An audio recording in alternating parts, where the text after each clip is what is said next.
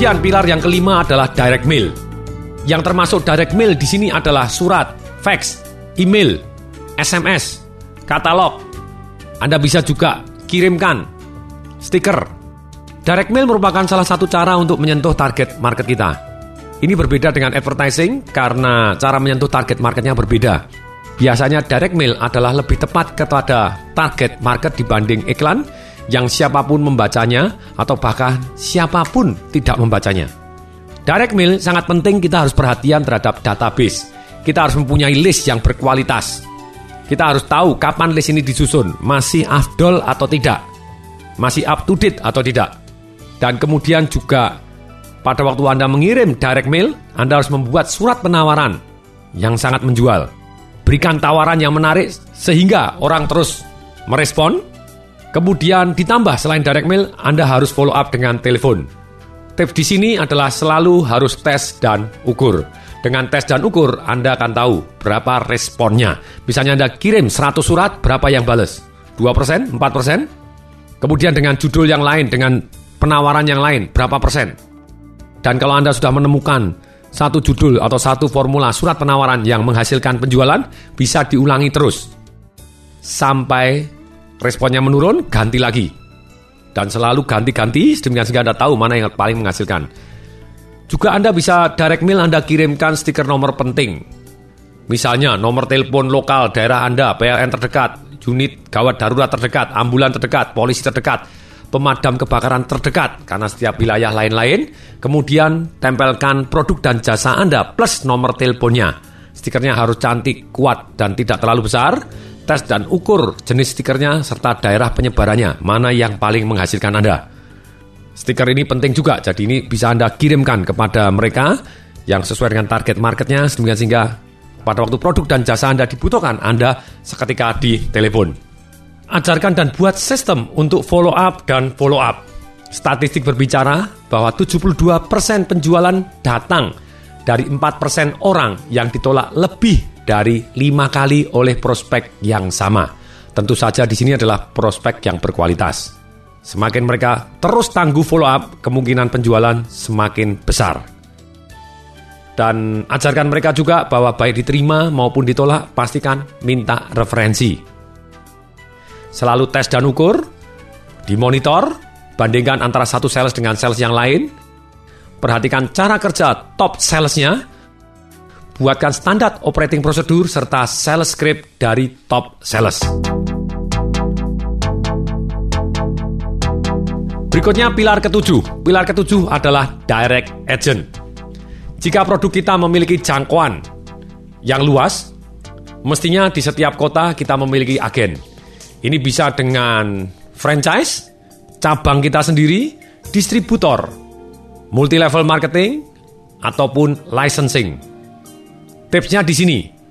Pastikan skim penjualannya menguntungkan untuk agennya serta untuk kita. Biarkan minimal ada dua agen di setiap kota. Dengan adanya dua agen, mereka akan kompetisi. Kemudian berikan rabat selain diskon. Karena bila diskon saja, agen cenderung bersaing menurunkan harga. Yang dimaksud rabat di sini, mereka bayar lebih dahulu dan bila mencapai target penjualan tertentu, berikan tambahan rabat, yaitu diskon yang diberikan di belakang. Setelah terjadi penjualan sekian, kembalikan uangnya sekian. Itu yang namanya rabat.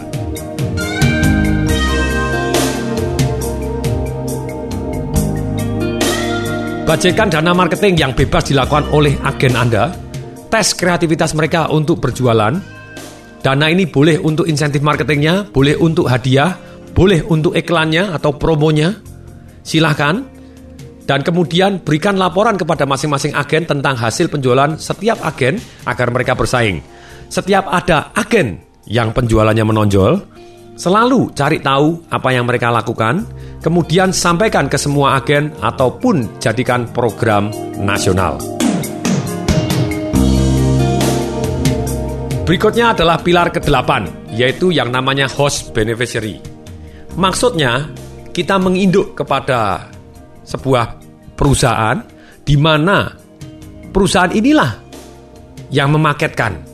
Misalnya kita menerbitkan sebuah voucher hadiah ataupun voucher diskon yang ada rupiahnya, diberikan kepada satu perusahaan dan perusahaan ini mengiklankan apabila Anda beli makanan di tempat saya atau produk dan jasa di tempat saya senilai Rp 100 ribu, Anda mendapatkan voucher diskon senilai Rp 200 ribu kalau beli meja belajar atau beli barang dan jasa Anda.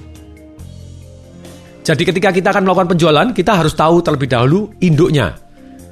Misalnya, bila kita ingin menjual mobil mewah, pangsa pasar yang paling mendekati adalah pembeli apartemen ataupun perumahan mewah. Kenapa tidak?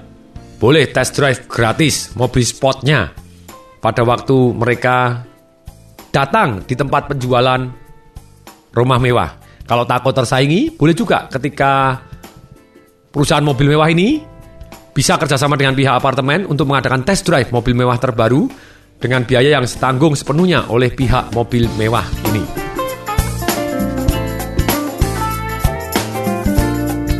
Pada prinsipnya kita membuat perusahaan induk yang menawarkan memberi hadiah voucher produk atau jasa kita.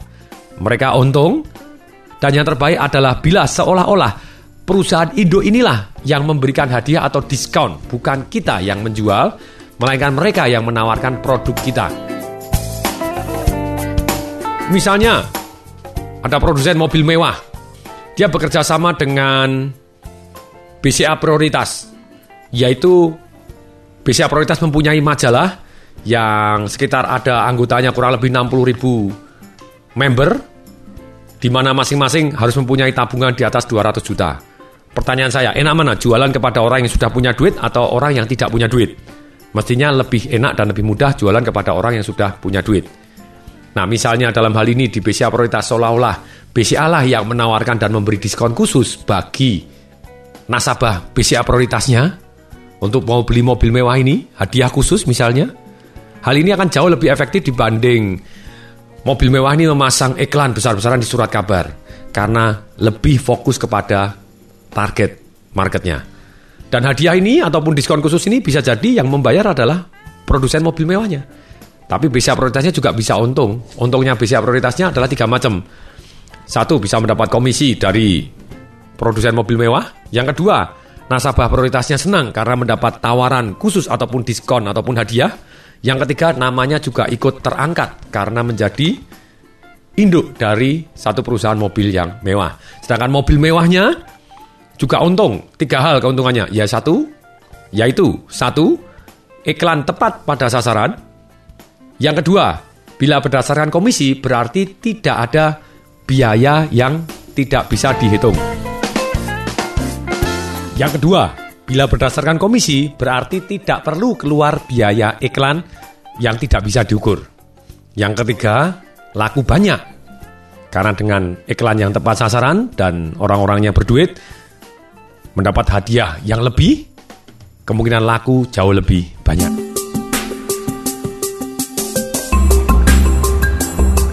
Kemudian, pilar kesembilan, yaitu adalah telemarketing kita bisa menyentuh target market kita dengan sepenuhnya menggunakan telepon. Dan untuk melakukan hal ini diperlukan sales script yang benar-benar teruji agar telemarketing dapat menyentuh target market yang tepat. Pastikan list yang dipunyai sesuai dengan target market dan update. Gunakan telemarketer yang berpengalaman. Pastikan mempunyai sales script. Plus penawaran yang sangat menarik dan bisa dipercaya. Buat suasana kerja yang menyenangkan, bila telemarketing berhasil, close the sales, misalnya boleh pukul gong, boleh membuat gambar matahari di papan monitor, dan selalu pelajarin rekam serta buat sales script telemarketer yang sukses. Sekali lagi, telemarketer yang menggunakan sales script terbukti menghasilkan penjualan tiga kali lipat lebih banyak dibanding telemarketer yang bagus tapi tanpa sales script yang terbukti. Kombinasikan dengan direct mail, dengan kombinasi telemarketing dengan direct mail, penjualan Anda bisa meningkat 8 kali lipat dibanding telemarketing saja atau direct mail saja.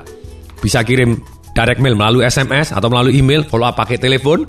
Nah inilah yang terbaik, kombinasi antara telemarketing dengan direct mail. Pilar yang ke-10.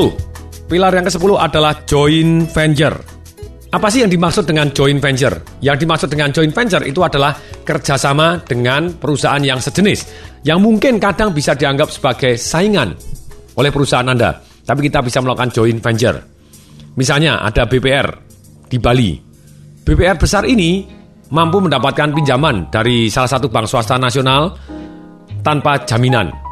BPR ini sangat-sangat jago dalam melepas kredit. Dia bisa melepas kredit kalau dihitung dengan bunga efektif itu bisa sampai 28% bahkan 32% kalau bunga efektif. Dan dia mengadakan perhitungan daripada dia buka cabang-cabang di kota-kota yang lain yang di mana kosnya besar, lebih baik dia bekerja sama dengan BPR lain yang bisa jadi oleh orang dianggap sebagai pesaing, tapi bagi dia bukan pesaing, melainkan diajak sebagai joint venture. Yaitu apa yang dilakukan? BPR ini memberikan penawaran berapapun Anda memberikan bunga tabungan kepada pelanggan Anda, Kenapa tidak? Taruh di tempat saya, saya akan kasih 2% bunga lebih tinggi. Misalnya BPR yang lain tadi di kota-kota yang lain, cabang-cabang yang lain, itu memberi bunga 11% untuk bunga tabungannya. BPR ini berani memberikan 13% kepada BPR ini. Jadi akibatnya BPR kota-kota tersebut tutup mata sudah untung 2%. Tidak perlu menghadapi risiko melepas kredit. Sedangkan BPR yang besar ini yang mengadakan joint venture dia dengan damai dan sejahtera Kenapa berani memberikan bunga 13%? Karena dia jago melepas kredit, dia bisa sampai bunga 28% ataupun 32%. Daripada dia harus memelihara dan punya overhead cost yang begitu tingginya untuk buka sebuah bank, yang di mana costnya bisa 5% sendiri overheadnya. Nah kalau cost 5%, dia memberikan tabungan sebesar 11%, berarti sebetulnya costnya dia 16%. Tapi dengan dia joint venture dengan BPR-BPR lain yang tidak jago melepas kredit, tapi jago menghimpun dana, di mana mereka memberikan bunga sebesar 11%, kenapa tidak tempatkan kepada BPR yang besar ini ditambahin 2%, jadi dia untung 2%, BPR-BPR kecilnya, jangan BPR besarnya, daripada dia buka sendiri dengan overhead cost plus bunga tabungannya harus dia bayar 11% tambah 5% berarti sekitar 16%. Sekarang dia ngasih 13%, dia jauh lebih untung, lebih efektif dan efisien.